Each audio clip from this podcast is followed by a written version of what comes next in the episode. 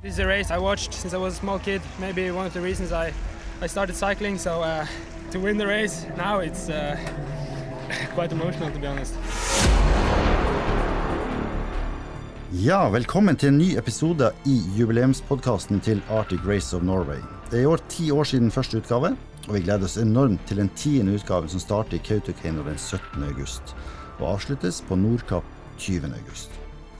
I forrige episode var vi i Harstad og hørte bl.a. om hvordan den første utgaven av Arctic Race ble avslutta der, og at det ble en større suksess enn man hadde håpa på. I denne episoden er vi i Tromsø og skal høre om hvordan det var å gjenskape en suksess. Men før vi snakker om det som har skjedd i Tromsø-regionen, må vi ønske velkommen til noen av gjestene i dagens episode. Og vi har et sterkt felt i dag. Vi har med oss eh, Dag Otto Lauritzen, som var den første nordmann som vant en etappe i Tour de France. Vi har uh, Tor Hushovd, som er tidligere verdensmester og nå er ambassadør for Arctic Race of Norway. Som for øvrig også vant den første utgaven, som vi snakka om tidligere. Vi har med oss uh, tromsøværingen Andreas Leknesund, som vant fjorårets Arctic Race of Norway, og som har imponert stort i år uh, gjennom å ha den rosa ledertrøya i Giro d'Italia i flest etapper, fem faktisk. Eh, flest, flere enn noen andre nordmenn har hatt. Og vi har med oss eh, Knut Eirik Dybdahl, som er daglig leder for Arctic Race of Norway. Vi har også med oss noen andre flotte gjester, men dem skal vi introdusere litt seinere. Som vi var inne på i de to første episodene, Knut Eirik, den første episoden, den første utgaven av Arctic Race of Norway blir godt mottatt. Men så skal man prøve å gjenta det. Hva tenker man da, og ikke minst, hva gjør man da? Ja, nei, det var Jeg må jo si at eh, det å kunne gjennomført den, den første utgaven, det var liksom det vi drømte om at det kunne bli, og det ble liksom bedre enn hva som så, i forhold til én ting det sportslige i seg sjøl, og vi hadde en norsk vinner som vant den første utgaven av, av sykkelrittet, men ikke minst folk som kom tilreisende og var med og løfta fram eh, syklistene og viste fram sitt lokalsamfunn på en helt fantastisk måte. Og når man da skal jobbe med det året etterpå igjen, så er det jo litt sånn at man tar det som, som en selvfølge at det kommer til å skje det samme igjen, og da skal man liksom gjenskape det og prøve å forberede seg ekstra mye. Eh, I 2014 så skulle vi jo da til Finnmark, vi skulle til Nordkapp, blant annet Alta, Hammerfest, eh, og så skulle vi avslutte i, i, Tromsø.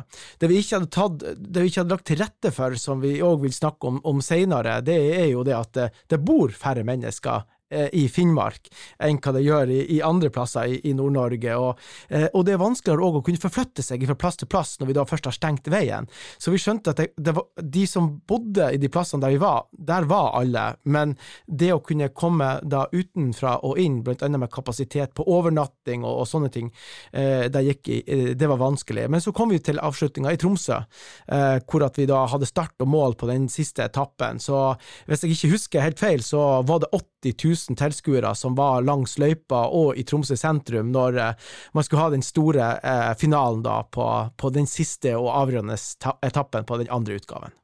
Og Da må vi jo til deg, Tor. For, det, for deg så var Arctic Race in Norway 2014 ditt siste profesjonelle sykkelritt i Norge. Og du hadde store tanker om hvordan det her skulle eh, gjennomføres? Ja, jeg hadde det. Uh, Nei, da hadde jeg jo Før jeg si, starten på Arctic Race så hadde jeg jo da annonsert og bestemt meg for at jeg skulle gi meg som uh, syklist og legge opp karrieren min. Så det var liksom et sånn Siste løp i Norge var den fjerde etappen uh, med start og mål i, i Tromsø. Uh, så var jeg i ganske god form.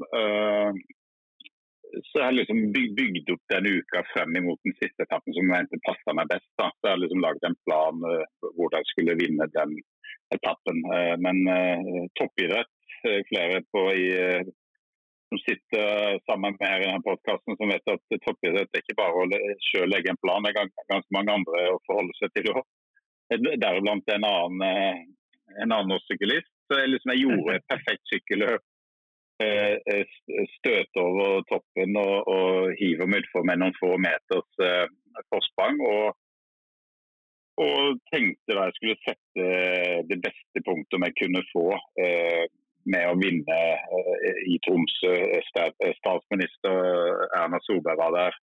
Så Det var liksom bare den perfekte rammen. Men så dessverre så klarte Alexander Kristoff å, å, hive seg forbi de 50 siste meterne. Så det var selvfølgelig en, en stor skuffelse. Men eh, det er toppidrett på, sitt, si, på sitt beste og sitt verste. Så det var en jeg var skuffa da jeg kom i mål. Jeg, jeg må innrømme det. Den satt litt i. Ja, for Det er vel det spørsmålet du kanskje har fått eh, flest, i hvert fall for folk i Nord-Norge. Hva tenkte du da du så Alexander Kristoff eh, passere deg?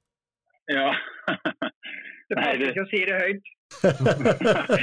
Nei, men det, det, var, det var liksom, jeg, fikk, jeg, hadde et innlegg med Knut Erik Dybdahl sånn i etterkant. og så, så snakka vi om det her, og Knut Erik liker liksom å ta denne episoden opp. da, fordi Hvis jeg blir hylla litt for mye, og så, og, så vil han liksom få meg litt ned igjen. Og så satt vi på en sånn der, eh, ganske mange til stede. Og så var det en eller annen kar som på slutten av, som satt på første rad og spurte liksom eh, ja, Tor, hva tenkte du da når han, eh, når han uh, Alexander Kristoff kom forbi?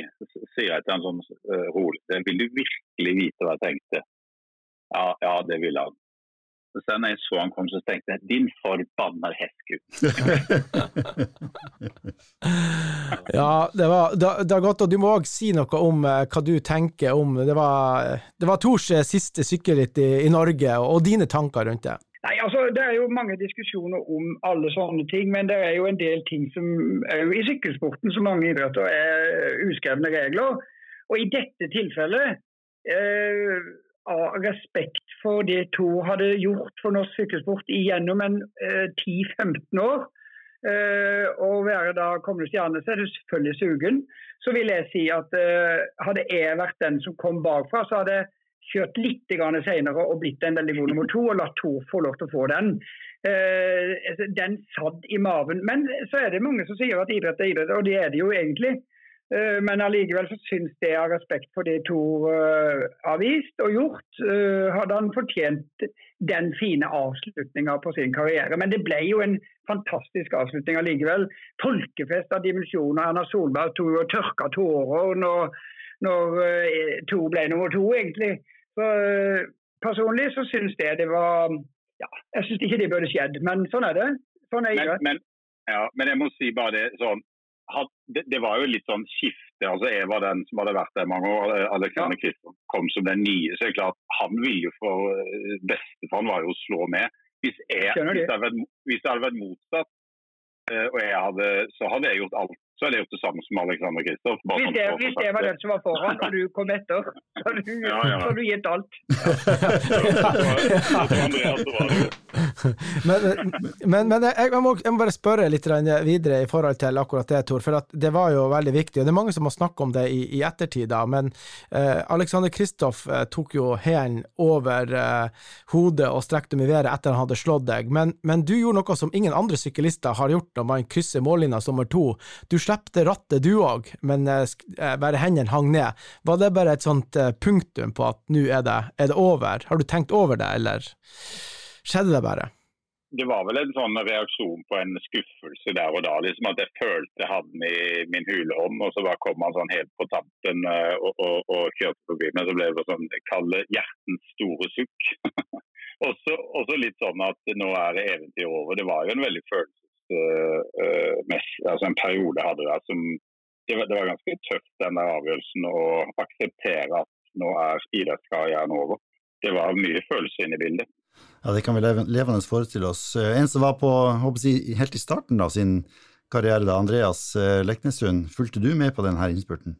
Ja, det, det gjorde jeg helt klart. Jeg, jeg, jeg jobba i målområdet som var vel med på opp- og nedrykk av eh, målområdet. Eh, da var vel jeg sikkert en 15 år. Eh, jeg husker, jeg husker veldig godt det her. Det var, det var jo en nydelig dag. Som Erik sa, det var vel 70 80 000 folk i sentrum og så på det rittet her. Det var jo Jeg tror alle som var der, kan være enige om at det var større enn, enn 17. mai. Og det var så kul finale. og selvfølgelig som, som liten gutt som jeg, som jeg var. og drømte om å få sykle litt sjøl. Det, det, det, var gøy, og det, det er gode minner. Mm. Ja, kan du si litt om hva Arctic Race of Norway har betydd for deg som i ditt valg av uh, si, idrettskarriere? Ja, altså Jeg kan jo si, si veldig mye om det. Uh, det er jo, uh, det er jo ingen tvil om at Arctic Race har, har vært en veldig viktig del av, av sykkelkarrieren min. Um, det er jo det blir jo sånn, altså Arctic, første etappen, det første året i Harstad der, husker da der liksom sykla i et år eller to, var ganske fersk. Ikke noe sånn, det var ikke sånn at jeg trodde jeg skulle ende opp som proffsyklist nødvendigvis, men jeg husker jeg syntes det var så utrolig kult uh, at det skulle bli et uh, stort sykkelritt i Nord-Norge. Jeg husker jeg var så spent på hvordan, hvordan det skulle gå. og det var blitt snakka om allerede.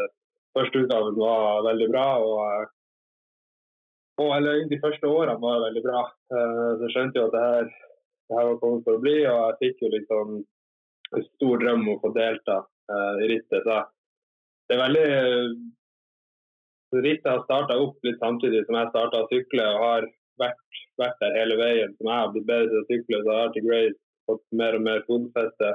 Um, og jeg føler på at jeg har vært med på den reisen. Jeg har gått sjøl fra å være uh, liten gutt som ja, jobber dugnad i, i rittet, eller eh, går rundt og samler flasker eh, fra proffene og tar selfie med Dagotto og Thor, uh, til å stå da ni år senere eh, vinne rittet. Og det har også vært mange år imellom hvor jeg har hatt eh, eh større og mindre roller i, i rittet.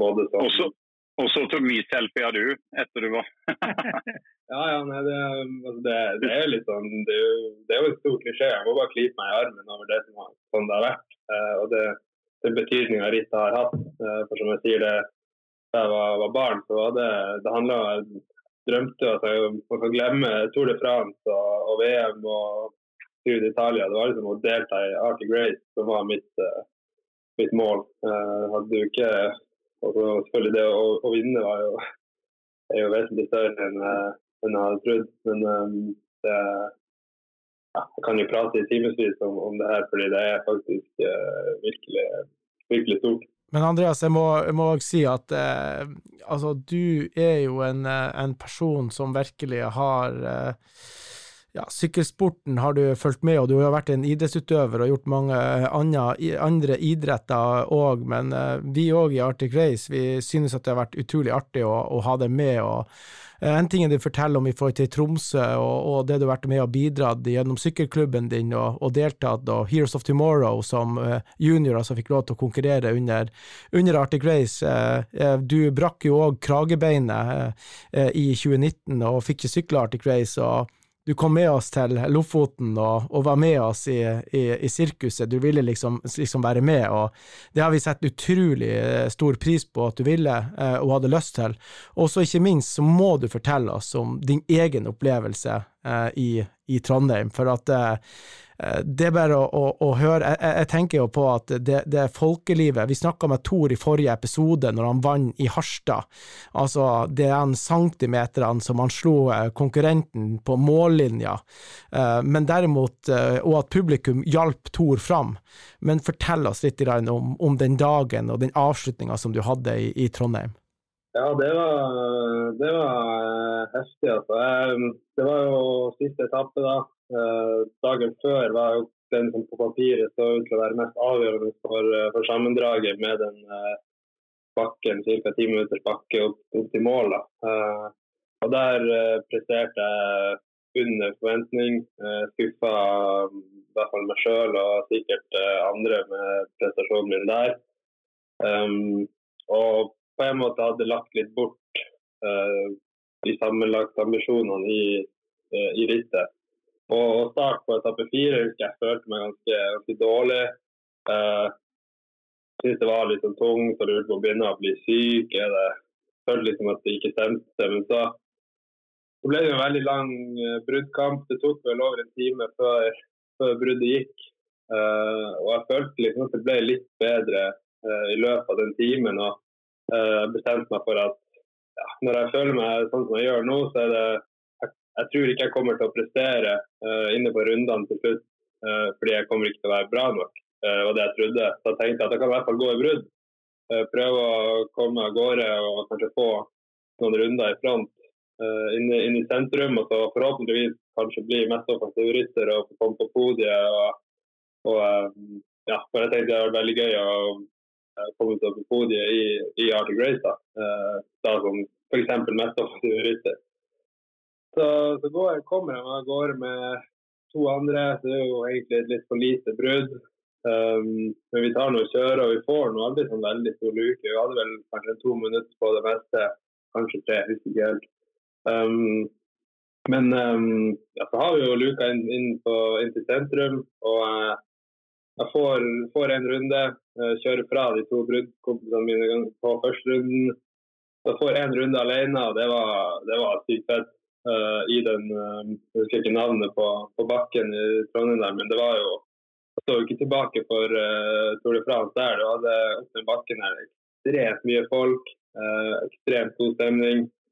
Um, så jeg, jeg, fikk en runde, syntes det var sykt fett, og så tenkte jeg jeg prøver en til. Så kjører jeg selvfølgelig alt jeg kan, uh, bare for å få flest mulig runder. Um, og så kom jo plutselig der at det er en runde igjen og fortsatt en bra luke til feltet. det var jo ja, helt totalt uforventa, men på slutten her så måtte jeg selvfølgelig kjøre for, for etappen. Og også det jeg trodde at nå, nå kan jeg kanskje, kanskje vinne etappen.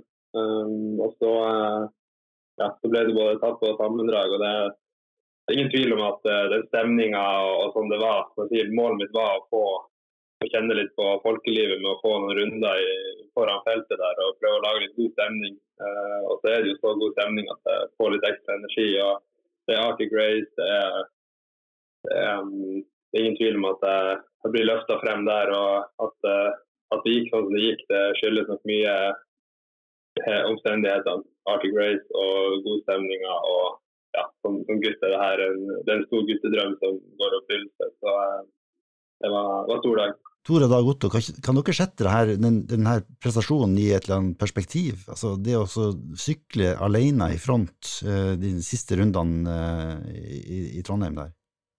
Jeg, jeg, jeg satt jo i bil og kjørte og hørte på radioen og sånn, og kom inn i rundene før det var ferdig. og Jeg må jo si jeg er sykt imponert. For eh, det å klare å holde unna Du hadde såpass kort ledelse.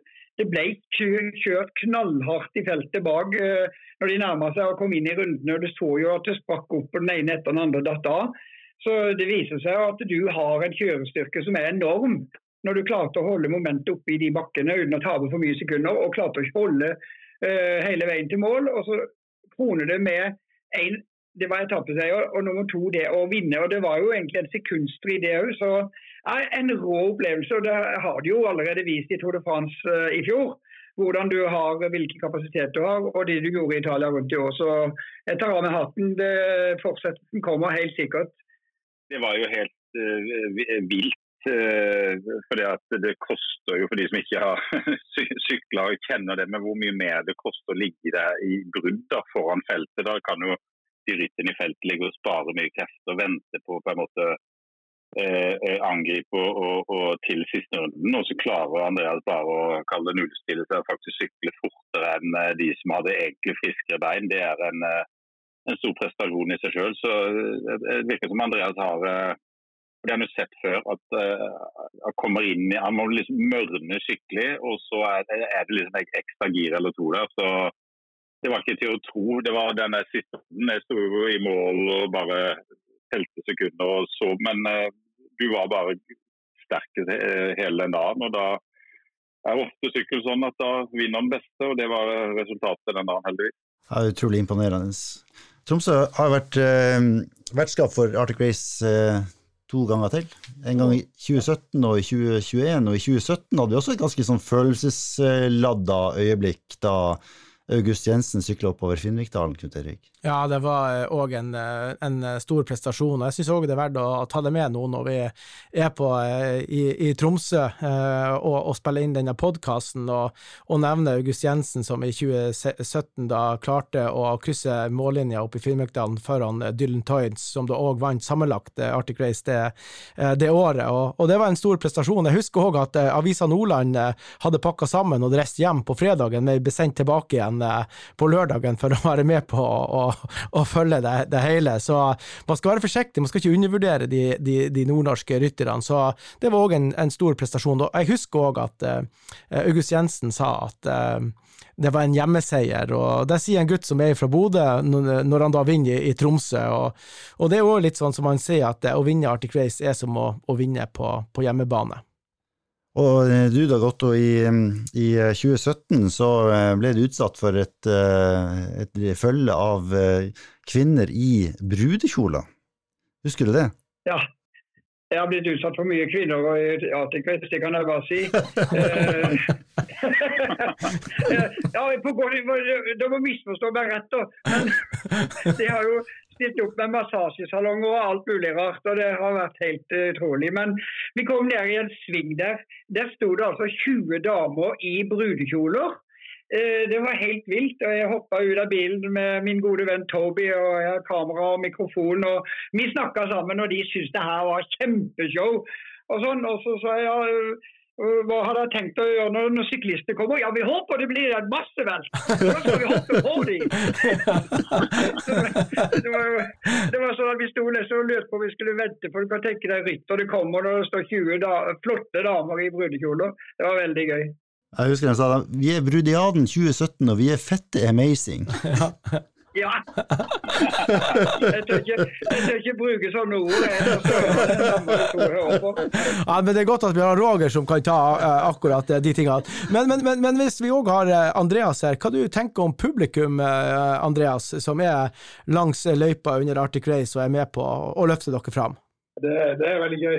Mye, mye rart langs løypa. Det er jo litt det som kjennetegner Arctic Race, vil jeg si. Og det er jo ikke bare vi nordlendinger som mener det. Det er jo noe feltet er enige om. at Selv om det ikke er nødvendigvis er så masse publikum langs med de veiene rundt omkring i Nord-Norge alltid, så er det de som bor der, de stiller opp. og Da er det gjerne å lage show og ta på seg et eller annet artig kostyme, eller om det er en traktor, eller om det er hva det er. Det er, mye, det er veldig mye gøy. og det, er, det kjennetegner litt av rittet. og det, det, er jo med på, på, å løfte hele opplevelsen for, for oss som sykler. i hvert fall.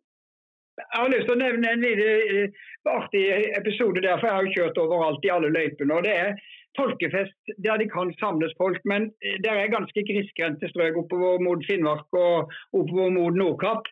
Og så har jeg jo stoppa med budeie som står oppå en liten fjellknause der i, i klærne sine. Og så sier jeg ja, hvor er resten av folka? Ja, vi har fått beskjed om å spre oss! Så, det, var liksom ti kilometer mellom hver av de damene som sto på veien der. det skulle være litt folk overalt? Ja. ja, men, men det, det, og det var jo det, det som ble sagt når vi da kom til Finnmark. Vi, vi, så for oss det som hadde skjedd eh, tidligere, og, eh, men eh, de i Finnmark som eh, bodde og var langs løypa, de stilte opp. Og, og, så spredde de seg ut. og Det følte jeg var en god ting for å kunne sørge for å heie fram eh, syklistene, uansett hvor man, eh, hvor man var hen. Vi må kort innom 2021, Knut Erik, for det var også et veldig spesielt år. Vi har eh, fortsatt eh, sleit vi med pandemi, og det ble ikke den folkefesten som eh, man kanskje tenkte at man kunne få. Men, men dere gjennomførte likevel? Ja, det, det, gjorde vi, og i 2020 så var det jo ikke noe Arctic Race. Vi skulle jo egentlig ha den gjennomføringa som da ble i 2021, i 2020. Eh, og i 2021 så var det jo bare to måneder sånn cirka før eh, selve arrangementet at vi fikk grønt lys fra norske myndigheter om at eh, vi kunne ta inn utøvere som kom fra utlandet og inn.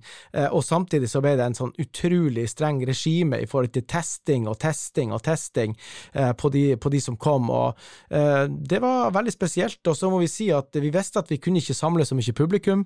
Eh, det vil si at vi fikk ikke de store folkefestene som vi hadde på teampresentasjon eller ja, langs start og, og, og mållinjen på de forskjellige eh, etappene. Men, men, folk stilte opp eh, litt rundt omkring i, i bygdene og var med på å bidra og, og løfta det, det hele. Men jeg må òg si at jeg må gi en stor takk til alle våre eh, vertskapskommuner som, som, virkelig var med og hjalp oss. Og da i spissen òg Tromsø, som tok imot alle syklistene som kom eh, utenfra og, og, inn, som skulle da gjennom en, en, stor testregime for at de kunne begynne å sykle. Så jeg er utrolig glad for at vi har en enorm positivitet i, i vertskommunene, og at de har vært med og løfta oss. Og, og 2021 så var det òg året så vi for første gang skulle besøke et naboland, eh, hvor vi da sykla inn i, i Finland.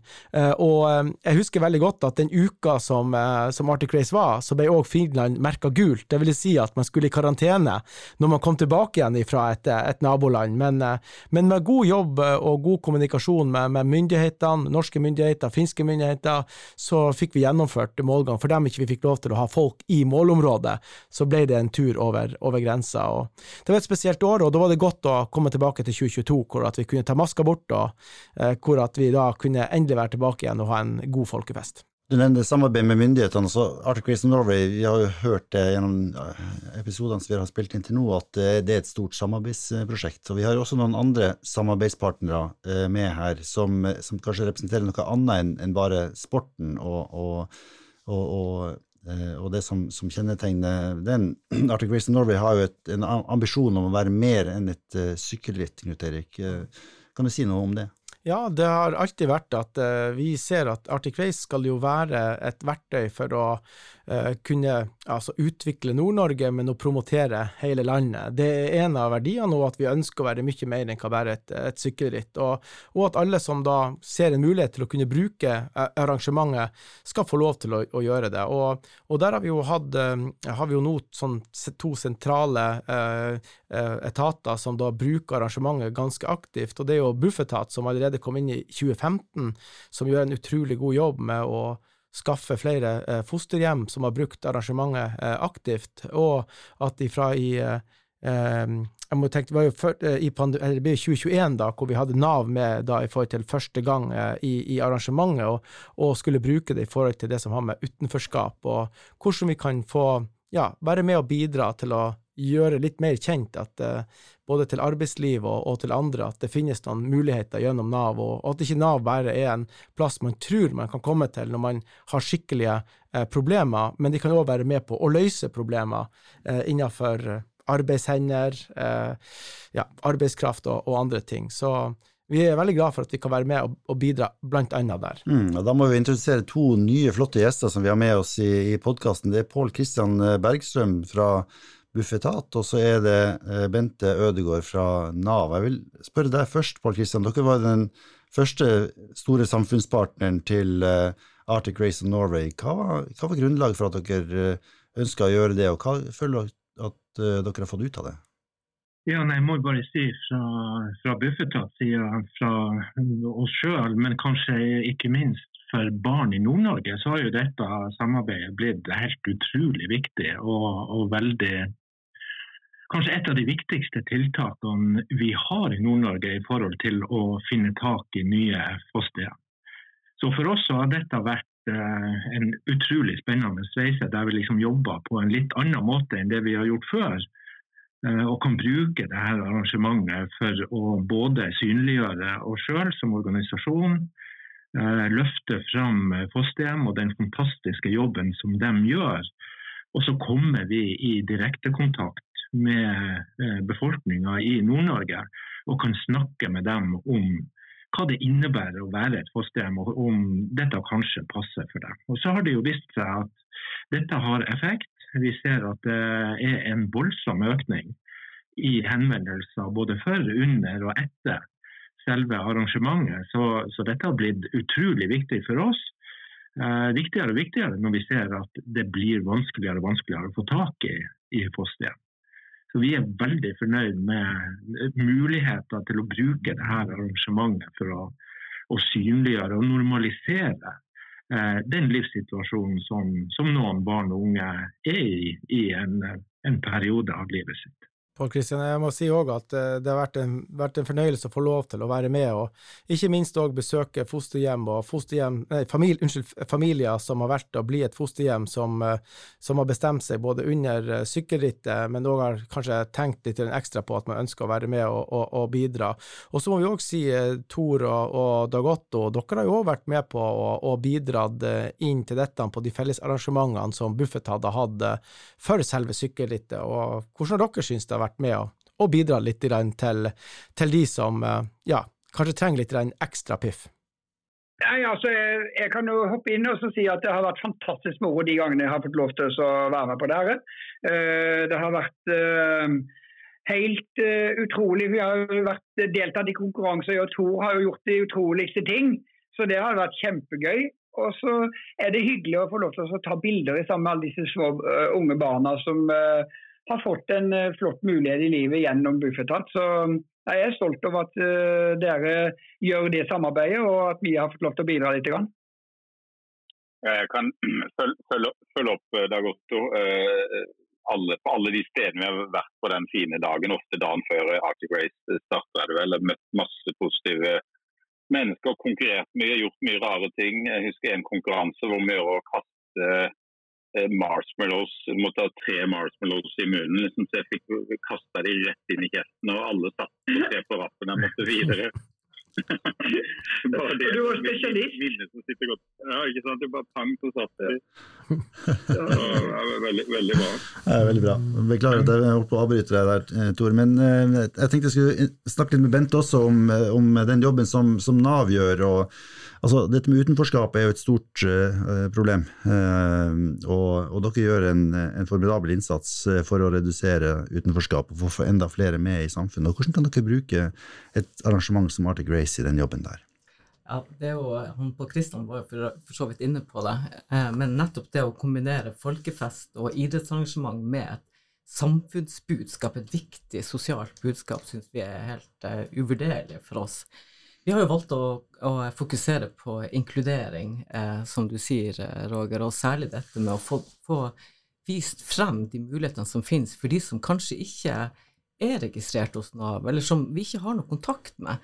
Vi har jo flere tusen mennesker i Nord-Norge som ikke er brukere av Nav, som ikke har noen ytelse fra Nav, men som bor i landsdelen, bor i kommunene våre.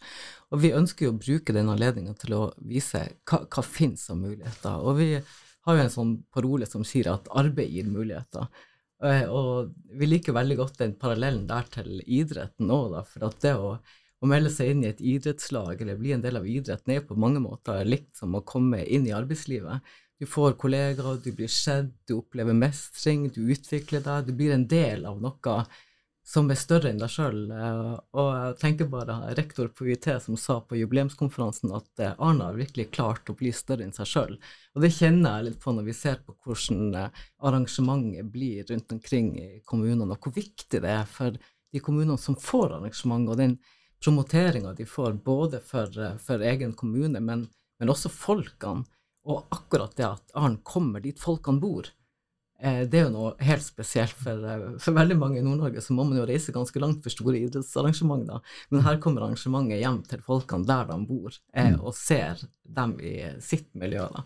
Det har jo en ekstra dimensjon, tenker jeg. Ja, det, det, jeg tenker òg at det, det, du sier òg, hvis man kan se at man kan bruke hverandre sin arena for å, for å, fremme et behov eller fortelle om noen muligheter, så må man gjøre det. Og, og det er jo òg sånn at eh, vi bruker jo òg uh, våre folk å kunne være med og bidra. Og jeg og Tor var jo da med uh, Nav da, uh, på en konferanse sammen med arbeidslivet da i Alta, til å kunne da se på noen muligheter. Og Tor, der fikk du òg en god opplevelse i forhold til de, eller vet mer om kanskje de muligheter som næringslivet har i forhold til de som hadde en dårlig start? Ja, absolutt. Det var en, en veldig fin seanse. Jeg var jo på Bufetat sine kontoret der hun snakka med en, eh, en, en, eh, familie som hadde tatt til seg et barn. og Det var liksom bare det å sette seg inn i det og, og snakke med de og, og, og vanlig det var på en måte. Det er jo ikke noe altså Det er jo en stor eh, gjerning de gjør, men de vil jo på en måte ja, altså normalisere det som vanlig. Barna jo, skal jo leve videre og komme inn i, selvfølgelig inn i nye familier inn i nye miljøer. Men bare hele den prosessen er bevisst de var, eh, hvor tett Bufetat følger opp. Eh, jeg syns det var kjempeinspirerende. Så, og, og, og, det er jo på en måte eh, en, sånn, en ting en får oppleve ekstra når en er med på hele Arctic Race og de samarbeidene med, med de sosiale partnerne en har. Så ja, Veldig artig å, å, å lære mer om de, de prosessene. Jeg på... jo, Hvis jeg får lov til å bare hoppe inn der så si tusen takk til både Dag Otto og Tor, som har vært helt fantastiske ambassadører for barn som trenger fosterhjem. Og synliggjort det både under de familiefestene som vi har hatt, men også i andre aktiviteter utenfor selve arrangementet. Og Det tror jeg har, eh, har en utrolig stor effekt. Det er klart at eh, Når Dag Otto og Tor er med på leka under familiefesten, så drar det nok flere folk enn en byråkrat som står og, og leverer ut pølser. Så, så, Ikke snakke med byråkratene. Sier du det? ja, nei, men det Men jeg tenker, Bente, det er sikkert eh, altså, mange arbeidsgivere som er, som, som er litt sånn eh, Kanskje litt redd for å ansette eh, folk som, som, da har hull i CV-ene, som kanskje har vært borte fra, fra både arbeidslivet og, og, og, det som ellers måtte være av samfunn eh, over ei tid. Men dere har ordninger som gjør at måtte, den risikoen skal bli så lav som mulig? Ja, absolutt, og det er litt av poenget vårt å være på stand og synliggjøre for arbeidsgiverne at det er, det er ufarlig. Og det å gi Mennesker og muligheter er helt ufarlig, og vi vil være til stede og hjelpe til. De får en fast kontaktperson. Trenger man noen økonomiske virkemidler, så kan vi bistå med det. Vi kan også bistå med hjelpemidler og tilrettelegging av den karakteren. Sånn at eh, det er ikke farlig. Og det å åpne døren for mennesker som ikke har vært i jobb før, det er rett og slett en, en gave også for arbeidsgiverne, så de bør prøve det ut. Og ja, vi er der for dem og hjelper dem. Mm. Og her skal Arctic Race of Norway bidra Knut Erik? Det skal vi, og jeg, eh, jeg syns det er utrolig fint òg på den måten vi kan eh, være med og åpne opp og kanskje fortelle om noen muligheter. Men så er det også sånn at eh, Nav må jo gjøre jobben som skal gjøres, og det må òg Bufetat gjøre. Men samarbeider vi med hverandre og, kan gjerne kanskje lære av hverandre, så kan vi bli enda bedre. Og, og hvis at enda flere arbeidsgivere og familier, som vi, disse to eksemplene da, da er på, ønsker å være med og bidra, så kan vi være en, en katalysator for, for, akkurat det. Og det tenker jeg òg at vi skal være med på å gjøre de, de neste ti årene. Mm. Og jeg tenker at Vi kunne lagd egne podkaster om alle de tingene vi har eh, snakka om i dag, men nå er tida vår eh, dessverre ute. Um, vi har hørt at det var folkefest i Tromsø med 70 000-80 000 mennesker på avslutninga av uh, siste etappe i 2014. og Vi har mange eksempler på at uh, vi har truffet publikum uh, hjemme. Neste episode så skal vi til Eh, Finnsnes og høre at eh, Alexander Kristoff og Edvald Boasson Hagen dansa med en gjeng med bunadskledde damer på toppen av Isenbrua, og at eh, Ritter faktisk ble stoppa for at de skulle kunne gjøre det. Heng med på det. Mitt navn er Roger Solheim. Jeg takker for følget. Vi ses på Finnsnes i neste episode.